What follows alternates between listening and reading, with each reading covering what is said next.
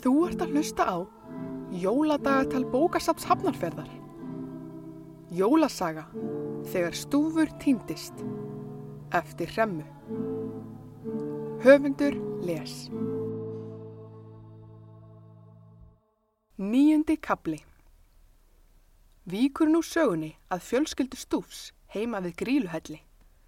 Aðeins gríla, giljagur og leppalúði sáu stúf fjúka burt.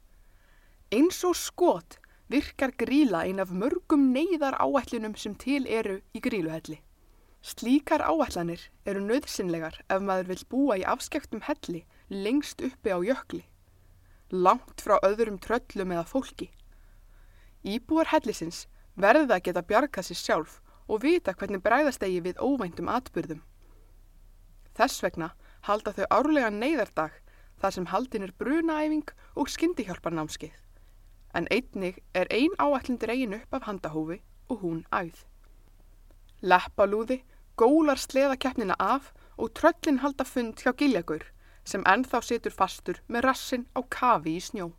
Stúfur er týndur og við verðum að finna hann eins og skot, segir Gríla.